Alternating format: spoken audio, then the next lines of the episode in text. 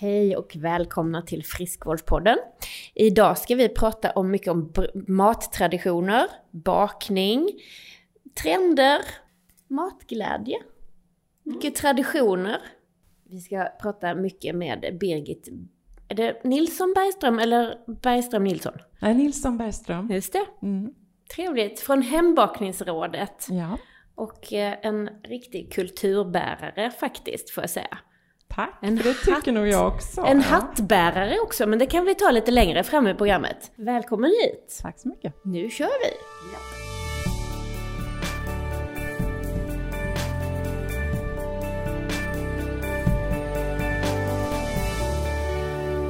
Kul! Ja, du, vi hade ju faktiskt egentligen bokat en annan gäst, men du har verkligen blivit en stand-in så här på kort varsel. Vi är supertacksamma för det. Och jag tycker det är väldigt roligt att du är här. Tack så mycket, det tycker jag också. Ja. ja. Det, det första, är det din poddpremiär?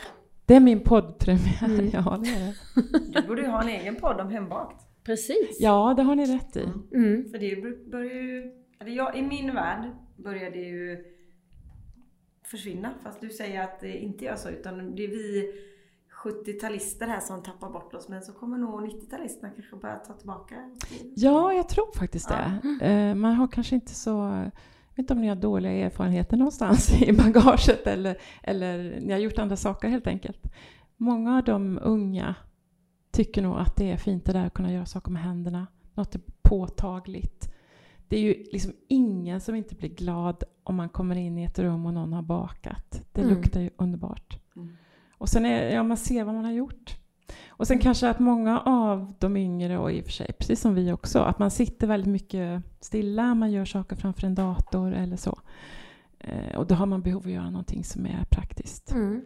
Men du, ska vi börja med att utreda detta. Vad är Hembakningsrådet för något? Vill du berätta? Ja, det är ett projekt som startade 1959, därav Oj. namnet. Det låter ju lite som en som Socialstyrelsen eller något, och det är det ju inte. Utan det är ett projekt som startades egentligen av ett antal eh, livsmed- eller engagerade människor i olika livsmedelsföretag som på något sätt har med bakning att göra. Mjöl, jäst, eh, smör, ägg socker. Sådana produkter som man behöver använda i bakning. Och 59 bytte vi, eller det var en brytningstid efter andra världskriget när man började komma igång igen på fötter. Och det finns mer och mer gott om råvaror. Vi ändrar vår livsstil. Vi kan köpa mycket saker mer och mer färdigt om man tycker det är skönt att slippa göra det hemma själv. Mm. Eh, man jobbar mer och mer utanför hemmet och uppskattar att slippa göra vardagsgrejerna hemma kanske. Och då inser man samtidigt att det här är ändå en tradition som vi har i Sverige som är ganska unik. En kultur att baka eh, både brödet och sötbrödet.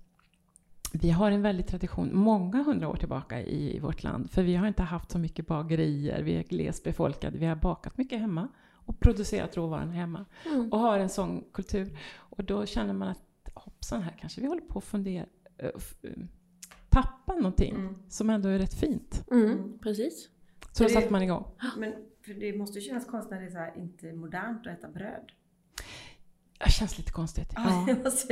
Lite lyxt kan jag tycka, för bröd hänger ju mycket ihop med mättnad eh, till ganska billig mm. penning. Det finns mycket bra näring i, bra bröd. Det mm. finns naturligtvis bröd som är mindre bra också, men som grund är det ju en väldigt bra bas i vår föda. Mm. Och det är gott att tugga på och sådär. Mm. Och vi har olika traditioner i olika delar av landet beroende på vad vi har odlat. Och det tycker jag också är ganska fint. Mm. Platta bröd i norr och lite mer påkostade kanske i söder som hänger ihop med hur vi har levt. Mm. Mm. Lite mer vetedominerat i, i Skåne och mer råg och korn. Och uppåt, korn inte minst ja. Mm. Och jag som kommer från Värmland från början har ju, eh, där var ju rätt så magra jordar och eh, lite kyligare klimat.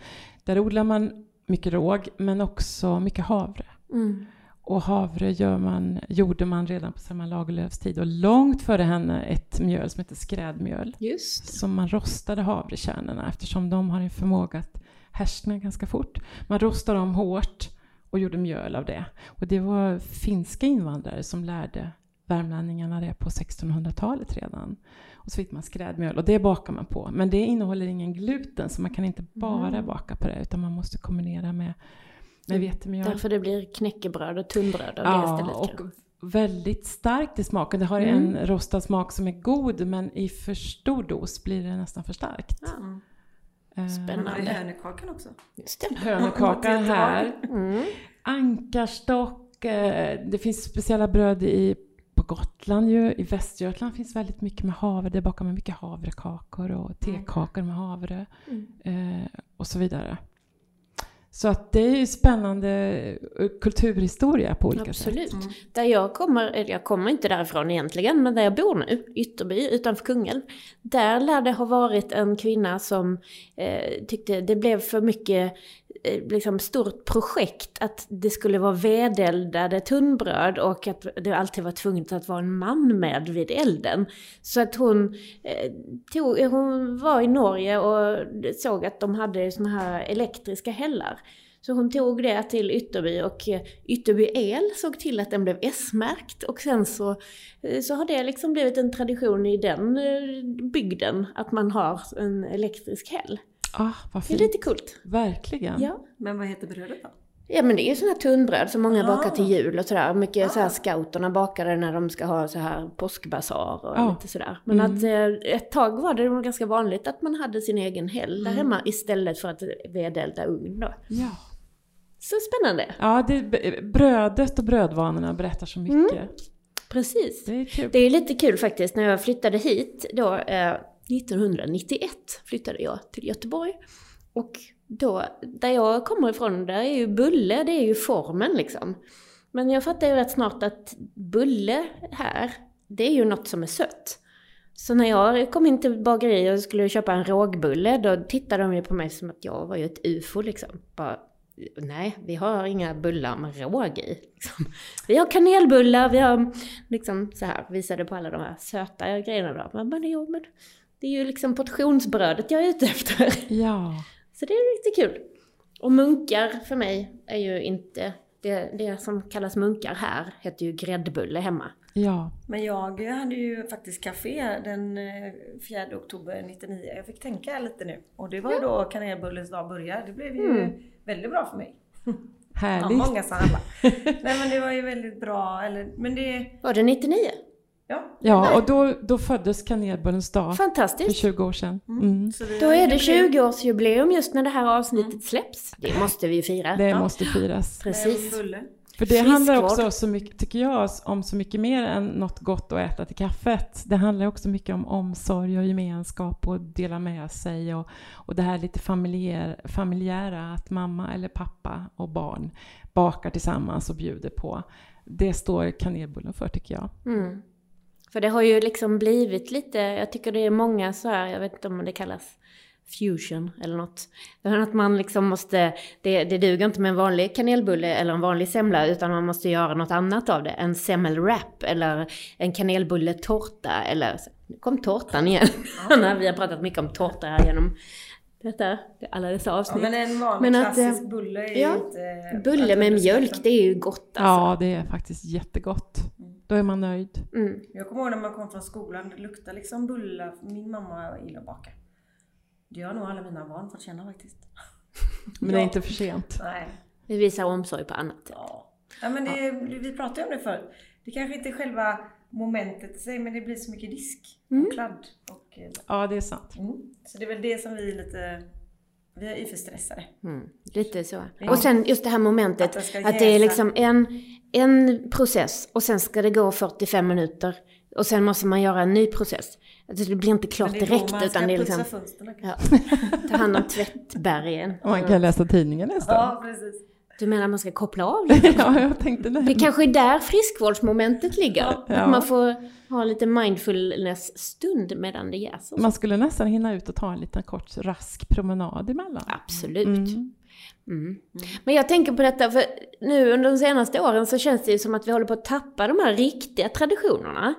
Eh, och barn, om man tänker sig att eh, träffar man ett eh, italienskt barn till exempel så kan de ju liksom säga precis vad min lilla by har för speciell nationalrätt eller så. Jag tror inte svenska barn kan inte säga vad Sverige har för nationalrätt. Vi säger väl pizza eller tacos då kanske. Ja. Eh, men, och jag tänker att de här dagarna som det som kanelbullens dag var ju den första då. Men att sen har det liksom blivit pizzans dag och... Rakbladets dag. Det också, oh, herregud. Men det kan vad som helst med Väldigt det. mycket ätbara saker som ät och drickbara. För häromdagen var det ju kaffets dag. Och eh, pizzans dag finns, köttbullens dag.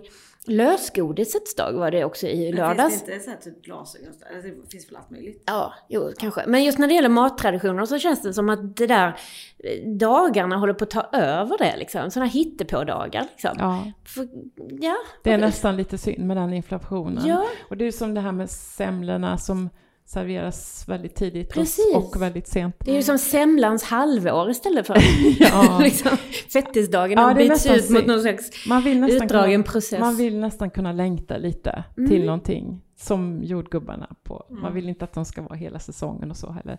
Nej, ja, jag håller med om det. Samtidigt så, jag pratade med en forskare på kultur och traditioner, hur de uppstår och hur de överlever. Mm. Eh, och han säger att mycket som gör, traditioner som överlever, det är sådana som man utvecklar. Ja. För om, om den är precis lika år genom år så dör den så småningom, för vi utvecklas ju alla. Mm. Eh, och samhället utvecklas. Så att en viss utveckling får man nog acceptera ändå.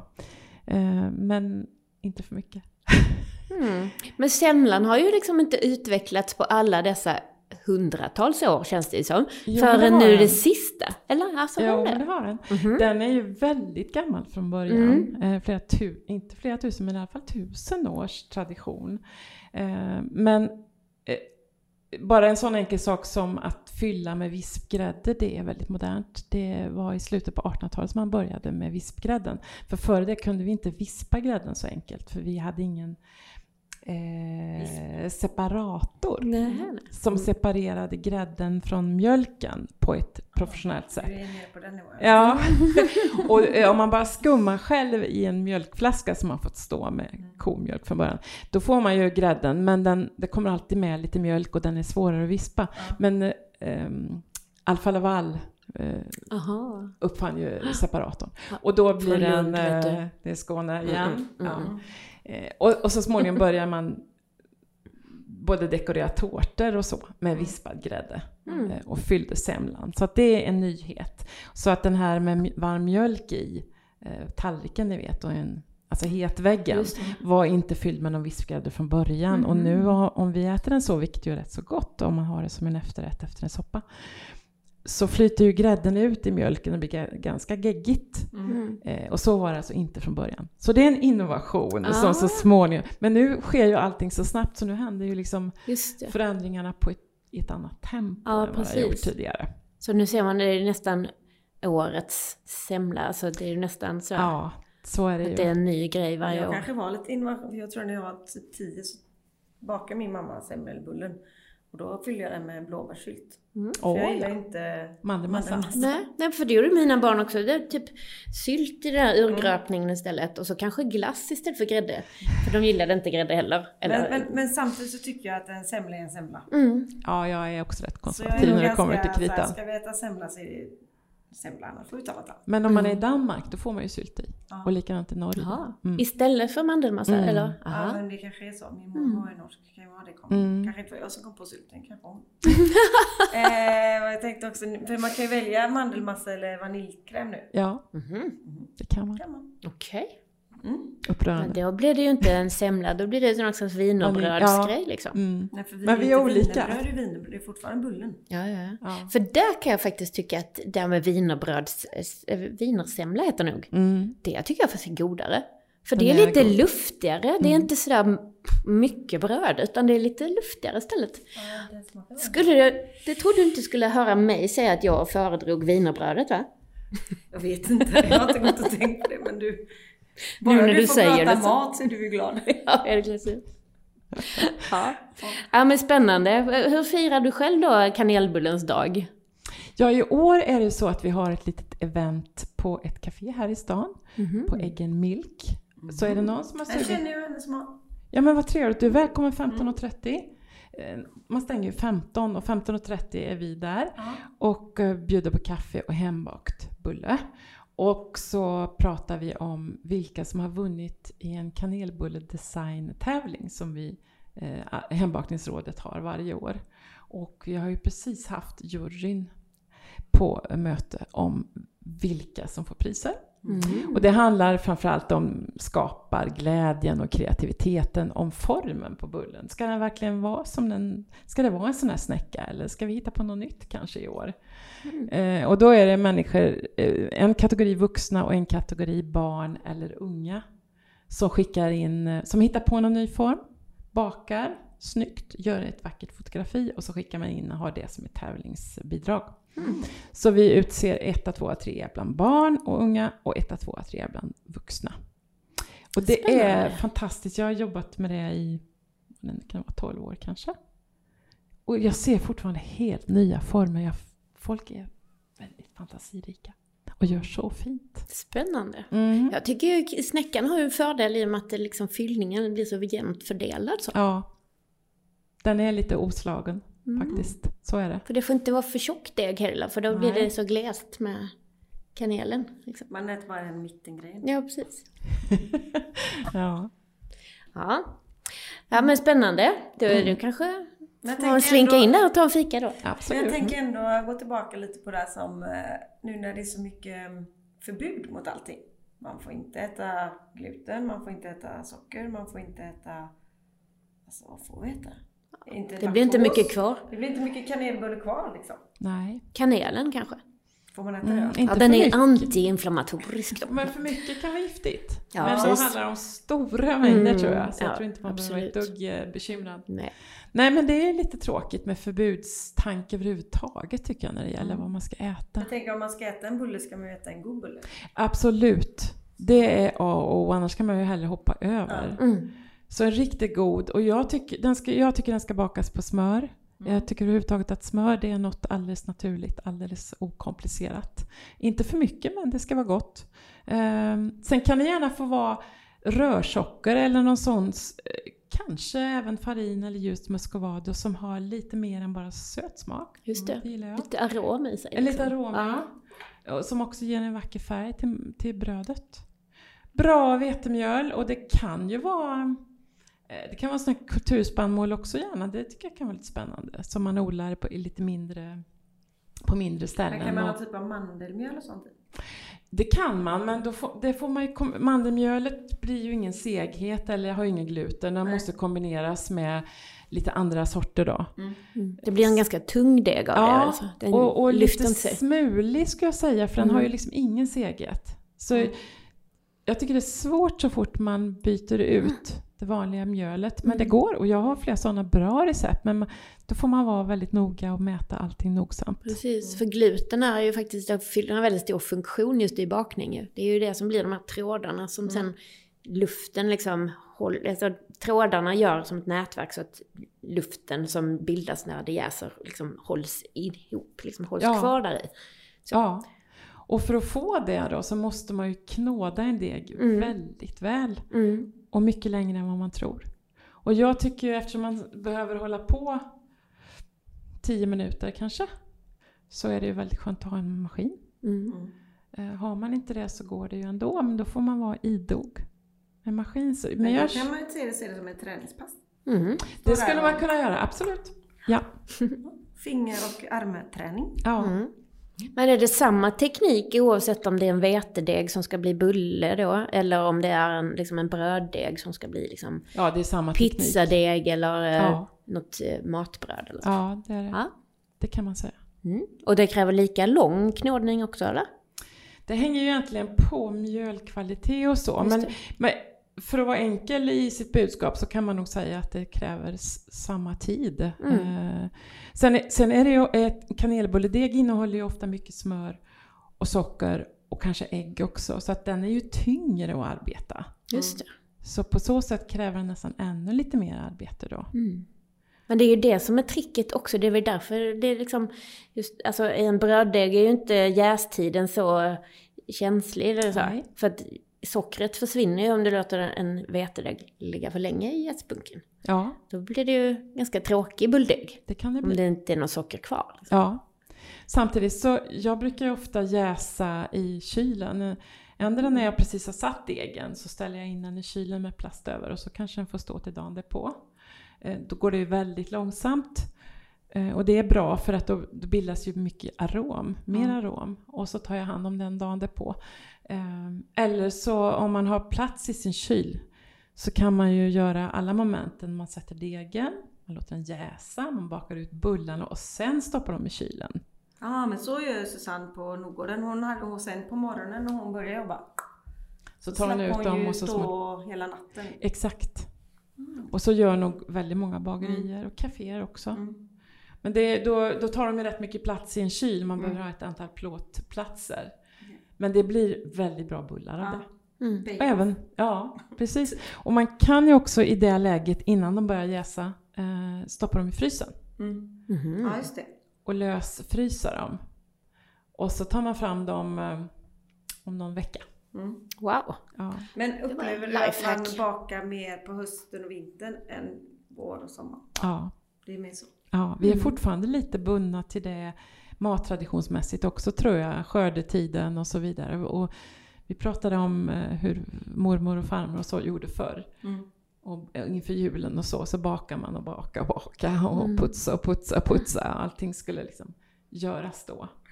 Och det var ju naturligtvis mycket för att man skördade sitt spannmål då och man hade sina grönsaker då och Mm. det skulle vara fint till julen och så. Så hade man det under en lång period. Eh, Men vi gör lite så fortfarande. Det kan ju vara så att ibland känns det som julen lite håller på att inte dö ut men lite samma, men det hänger ihop med det här. Vi behöver ju inte ta om hand och fylla på kylar och frysar och Och göra putsa silver. skinka och korv och sånt. Nej. Nej. För jul. Alltså det, Det spelar säkert stor roll. Mm. Och man behöver inte fernissa golvet. Och, Nej, för nu är det så här, nej men vi åker bort. Vi Ja. hoppar upp över det. Mm. Det kunde de ju inte förr. Mm. nej, Det var svårt att åka iväg från kossan. ja. Ja. Ja, Ja, men, det- mm, det är väl viktigt att man liksom tar vara på de traditionerna man själv gillar så att man Mm. inte känner att den här, den här julen blir en stor eh, jättebomb av stress liksom. Nej. Eh, Men eh, några små kakor kan man få baka. Det, det är ju som småkakor det är ju inte lika projektmässigt tycker jag. Det blir ju Nej. klart på ett moment. Liksom. Ja, det är sant. Och man kan ju faktiskt göra en, det brukar jag göra på sommaren, en, en kan, eh, bondkaksdeg. Jag älskar bondkakor, men Mm. ni vet lite mandel i Mm. och så. Eh, då brukar jag lägga in den i frysen, den här rullen. Man gör två rullar. Och så en får stå i frysen och en gräddar jag direkt för det kommer folk till fikat kanske, för då fikar man ju mycket på sommaren. Eh, och den andra bakar man ut sen om någon vecka för det kommer en, en ny hord med gäster och så är det alldeles nybakt och doftar i hela huset. Mm. Så kan man också göra med småkaksdeg just. Mm. Det är bra att vara gäst hos dig. Mm. Får man goda kakor. Förhoppning. Förhoppningsvis. Vad- Det beror på vad du menar med gäst. Aha. Gäst med J, det är inte så bra att vara. Då får man jobba hårt. Då får man hårt Ja. ja. ja. Ja men vad roligt. Jag tycker det är, det är ju väldigt eh, intressant och eh, roligt att grotta ner sig liksom i de här traditionerna tycker jag. Jag tror också att vi mår bra av att ha lite sådana här traditioner. Mm. Men som du säger också att man kan välja själv. Mm. Så att det inte är för mycket pålagor, för det gillar man ju inte. Nej precis. Men det är roligt att kunna överföra lite traditioner som är specifika och som, som sprider glädje. Men också kanske nu när det är så mycket annat, att man också samlar familjen och det är inte är plattor och telefon. Alltså det blir lite så här på jul så blir det lite så här att man spelar spel och alltså man håller igång där. Man skärmar av sig från vänner kanske och så är man med med släkten och sådär. Mm. Det kanske är nyttigt. Mm. Och att man gör någonting med händerna tillsammans, Tillsammans. då. Istället för att, jaha vad ska vi prata om nu då liksom? Ja, och baka lite är ju trevligt. För Mm. man kan ju välja nivån på hur svårt man gör det beroende på vilka som ska baka tillsammans. Mm. Ni måste ju gilla den här pepparkakshus-hypen. Ja, det är trevligt. Ja, Det gillar vi. Men det är ju också en tradition. vissa... Ja, och hur man kan rita. Förra året så ritade... ehm, hur var det nu? Jag hade kanske, nej förra året hade jag ingen tävling men, men jag bad, jag har en son som arkitekt och då tyckte jag att han skulle bevisa det i form av en skiss till ett pepparkakshus. Eh, Och så skulle jag försöka baka det. Eh, Och då hade han gjort en väldigt, väldigt enkel ritning där det bara var liksom eh, stommarna till huset. Om ni tänker som Mm. man såg. eh, Som man skulle sätta. Och det var, det är svårt att beskriva, såg väldigt enkelt ut. Bara att det är svårt att få stabilitet Mm. i en sån när man ska sätta ihop det. Skillnaden med att ha en trävägg som är rätt stabil från början men en pepparkaksdeg är svårt att få riktigt stabil om det är för mycket hål. Liksom. Mm. Men det blir ett spännande projekt ändå. Eh, Och så kan, lite så kan man göra. Man behöver ju inte göra det så svårt. Men det är ändå kul att någon kanske ritar och så försöker man baka det tillsammans. Och så visar man Mm. alla. Ja. Titta vad fint vi har gjort. Men nu kan man ju också göra med chokladkakor bara. Exakt. Ja, Mm. Vet du vad jag hörde? Alltså Marabou har ju varit så supersluga alltså. Det är ju inte bara det att de vill göra det lite enkelt och baka någon slags julhus. Utan de hade ju väldigt försäljningstapp på chokladkakorna under just julmånaden. För då, då köper folk bara alla dina askar istället. Men eh, plötsligt så fanns det ju ett behov av Marabou mjölkchoklad i, alltså jag tror det går sex kakor eller något till ett sånt här hus. Mm. Så att det, det är ju en succé för dem. Det plötsligt går åt en massa sån choklad också. Det är klart. Mm. Allting handlar om att tjäna pengar. men sen äter man nog inte det va? Det står nog... Hemma hos oss går det nog åt. Ja, okej.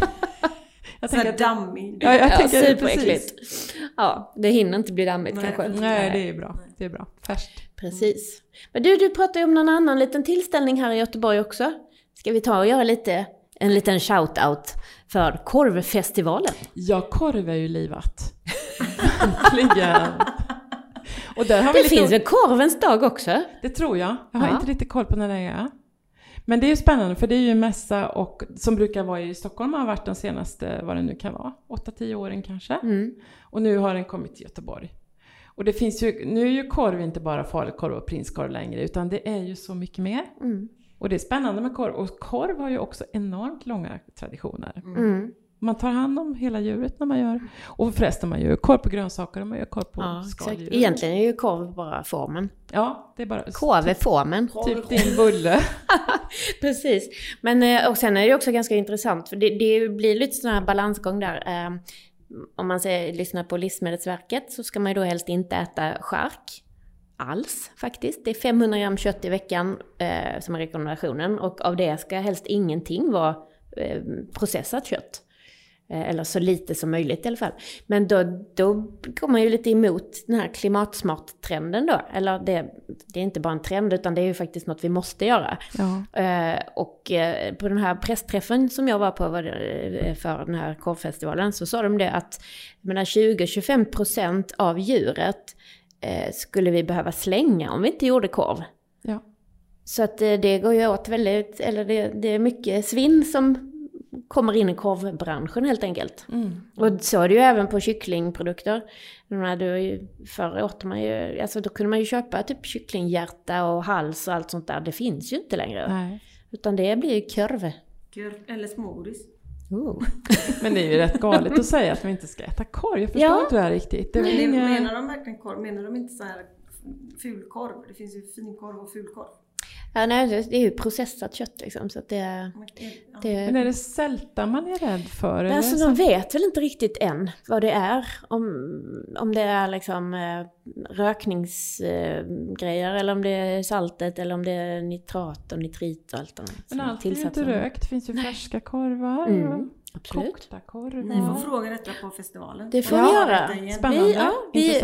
Vi återkommer till Ja. frågan. Ja, Mm, Ja. Då måste jag ju gå på det korvfestivalen. måste du. Du får ladda med en kanelbulle innan du går dit. Just det, precis. Mm. Ja, nej men det är väldigt intressant. Och som sagt, det finns ju mycket traditioner i detta och eh, alla regioner har ju sin egen korv. Ja, Mm. Det finns ju i Lund, finns det i Lundaknocke bland annat. I Värmland finns det hackkorv. Just det. Mm, med mycket potatis i. Ja, Jaha. Matången bara. En Denniskorv. Oh. Så äckligt. Det är riktigt äckligt. Ja, Denniskorv. ja fy. Usch. Ja, det, det, är, usch, det känns ju inte riktigt som att det är värt att kalla mat faktiskt. Men det har ju, ja, det har ju ändrat sig mycket genom åren och Mm. nu är det ju, nu har vi hela världen i vårt charksortiment Mm, mm. och lärt oss mer och kanske också så att man har råd. För korv kunde ju vara väldigt enkel mat förr Mm. därför att det behövde vara det med my- mycket vatten och Mm. potatismjöl Mm, mm. och så som inte kostar så mycket. Mm. Nu kanske vi har mer råd att kosta på oss när det är 75% kött i korven istället. Ja, precis. Så saker och ting beror på olika. Mm, verkligen, verkligen. Mm. Och där tycker jag verkligen att man måste... Gud, nu sa jag verkligen fyra gånger Verkligen, på verkligen, verkligen. 20 sekunder. Du menar verkligen det här? ja, nej men att det är viktigt att välja svensk mat där. För att eh, just i, i köttproduktionen är det otroligt mycket antibiotika och mm, liksom inte god djurhållning och så. I många andra länder som vi importerar kött ifrån. Ja, Så att det är faktiskt värt att betala lite mer för att få bra kött och att de här djuren har haft det bra. Liksom. mm. Och att man miss, äh, slipper bidra till den här antibiotikaanvändningen och så också. Superviktigt. Mm. Så köp svensk korv. Köp svensk korv. Och svensk mjöl också. Just det. Ja, Ja, för det kommer ju mer och mer. Olika Ja. det gör det. mjölsorter och så. Måste jag kolla Jag på hör klockan bara här. att jag är lite tyst i den här podden för jag är inte så mat... eh, Kajsa går igång i 190 när det är mat. Ja, och det är konstigt att inte du gör det som haft en restaurang liksom. Ja men jag har ju inte, jag får ju knappt andas. Oj, känner du dig Nej, men vi överkörd tänkte- här Anna? Nej men eh, det är svårt med restaurang för man måste ju tjäna pengar också. Så man försöker ju vara så eh, bra som möjligt men man får ju ta genvägar där. Och, fast nu sålde jag ju mina, min sista kanske för inte, sex år sedan. Så det har hänt jättemycket på de sex år sedan att man också finns mycket mer att välja på priserna liksom. Men eh, jag, gillar, jag gillar svensk mat. Det är klart Mm. man ska, det är gött att vara svensk. Men det känns ju också som att det har blivit en slags eh, driv i det, att folk är mer beredda att betala för att de Jo. vet att det är bra råvaror. Man är inte så... Nej men det har hänt mycket. mm. Menar också att det är mycket mer grönt jag, på tallrikarna och mycket mer man kanske också gått, gått tillbaka till årstidstänket. Och Mm. så, så jag tror det är, jag är nog helt ute när det gäller det här. För jag tror att det har, eller jag vet att det har hänt mycket och det tycker jag är bra. Mm. Och även att kockarna har börjat bli eh, mer hälsosamma i sig själva. Så att de kanske inte bara dunkar i så här två kilo smör i första utan de sätter med fonder och från de, de har ju kommit på för att de ska orka ha det här stressiga, tunga arbetet så måste de själva ta hand om sig. Just det. Så Mm. från, eh, nu ska jag inte säga några årtal, men när man stod och typ drack bärs och eh, åt korv. Kanske de äter, eh, dricker mer vatten och äter... Många kockar till och med blivit vegetarianer. Och Mm. Just det där med att man inte slänger så mycket utan kanske ger tillbaka det till eh, smart, smart heter det va? Man kan Mm. ge till uteliggare och så.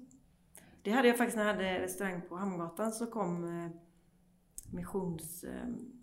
Frälsningsarmén, nej, typ? inte, nej, inte. Räddningsmissionen. Ja, och Mm. hämtade typ på jul allting som blev över så skänkte vi allting till dem. Och även om det var konferenser. Så jag hade väldigt bra samarbete med dem. Mm. Ja, vad härligt. För det känns ju som att fler och fler verkligen börjar bli duktiga på det. Mm. Återvinningen. Ja. Och För det- vi är ju sjukt slarviga när det gäller att slänga saker Ja, för eller det är ju inte ta lika hand om viktigt det. som det andra egentligen. Man står och ser hur folk bara slänger. Mm. Ja, det är inte Och klokt. det är ju inte bara mat, det är ju kläder och saker. Mm. Men, men just det, att man kanske ska laga så mycket som man äter upp. Och, eller äta upp till dagen efter. Men man bara mala ner det i malen liksom. Mm. Nej, precis.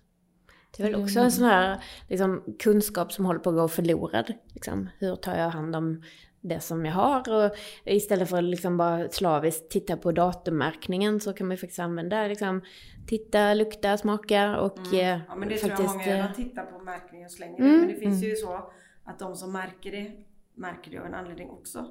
Så att ett mjölkpaket behöver inte vara dåligt för att ha gått över en, två, tre dagar. Väldigt Mm. sällan är det så. Ja, Mm. Jag försöker lära min sambo det. För han är väl, men han, eh, ja, de sätter ju en tidigare datum för att få sälja min mjölk eller kött eller Mm. såklart. Det var ju som jag ska Så åka... det luktar ju bra och smakar. Precis, Ja. jag ska åka till Stockholm nu och eh, då sa jag till Jerker liksom, ja, den här kycklingen har gått ut för två dagar sedan så den måste ni tillaga idag. Han bara, tillaga? Nej den slänger vi direkt. Så jag bara, men du får ju öppna den och lukta liksom. Bara, Nej, inte en chans. För den Så här det årstiden så klarar sig ju råvaror rätt så väl. Mm. När det, det är värre om man är mitt i slutet av juli, början av augusti. Men Ja, sen så är det ju. Ja. sen är det ju oftast inga problem Ja men alls. precis. Och ofta är ju sådana grejer som har lite längre hållbarhet, de har egentligen ännu längre hållbarhet för att vissa företag vill liksom inte visa att det kan faktiskt klara sig i tre månader. Nej. Man sätter det kanske typ fyra veckor för att annars verkar det ju lite ofräscht nästan. Ja. Man kan ju ha en limpa ett år, det är bara att den blir lite, lite... Den blir lite mindre, lite grönare. Nej, det, nej. Det torkar kanske? Med en sån sötlimpa hade jag en sån. Så det var bara påse kvar och så låg det en liten korv där. Mhm. Och det var inte grön. Så Intressant. det är bara allt som pös ut från den liksom. Mhm. Den torkade helt Ja. enkelt. Det blir skorpa av det. Ja, Så kan man undra vad det var i den. Mm. Då kan du riva den och göra ströbröd av den. Jag, Ja. ja. Vet ni vad, jag måste iväg. Ja, För det är nya, eller, nya saker. nya saker på gång. Men det var Absolut. jättekul. Mm. Och man ska, ska, jag, ska, jag bestämde när jag stod att jag ska bli lite bättre på att prata om mina barndomar med traditioner. Mm. Och bli, eh, kanske jag ska baka. Mm. Ska Baka tillsammans. Jag ska, ja, Ja. ja, Ja, men det är ju lite- kanske, men, men också... mm, nej. Vi har ju egentligen bara en kulturbärare i min släkt och det är ju farmor i huset alltså.